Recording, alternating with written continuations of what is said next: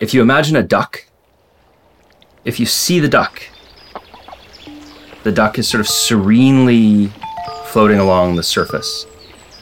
And what you see is this very kind of smooth glide that the duck has because you have the point of view of the top of the duck. Meanwhile, under the water, the duck is furiously churning with its feet. And to me, that's that's kind of the way I, I want to approach these things. The text of the book should feel smooth and hopefully you can just read it, you know, as you would a novel and not interrogate it too much.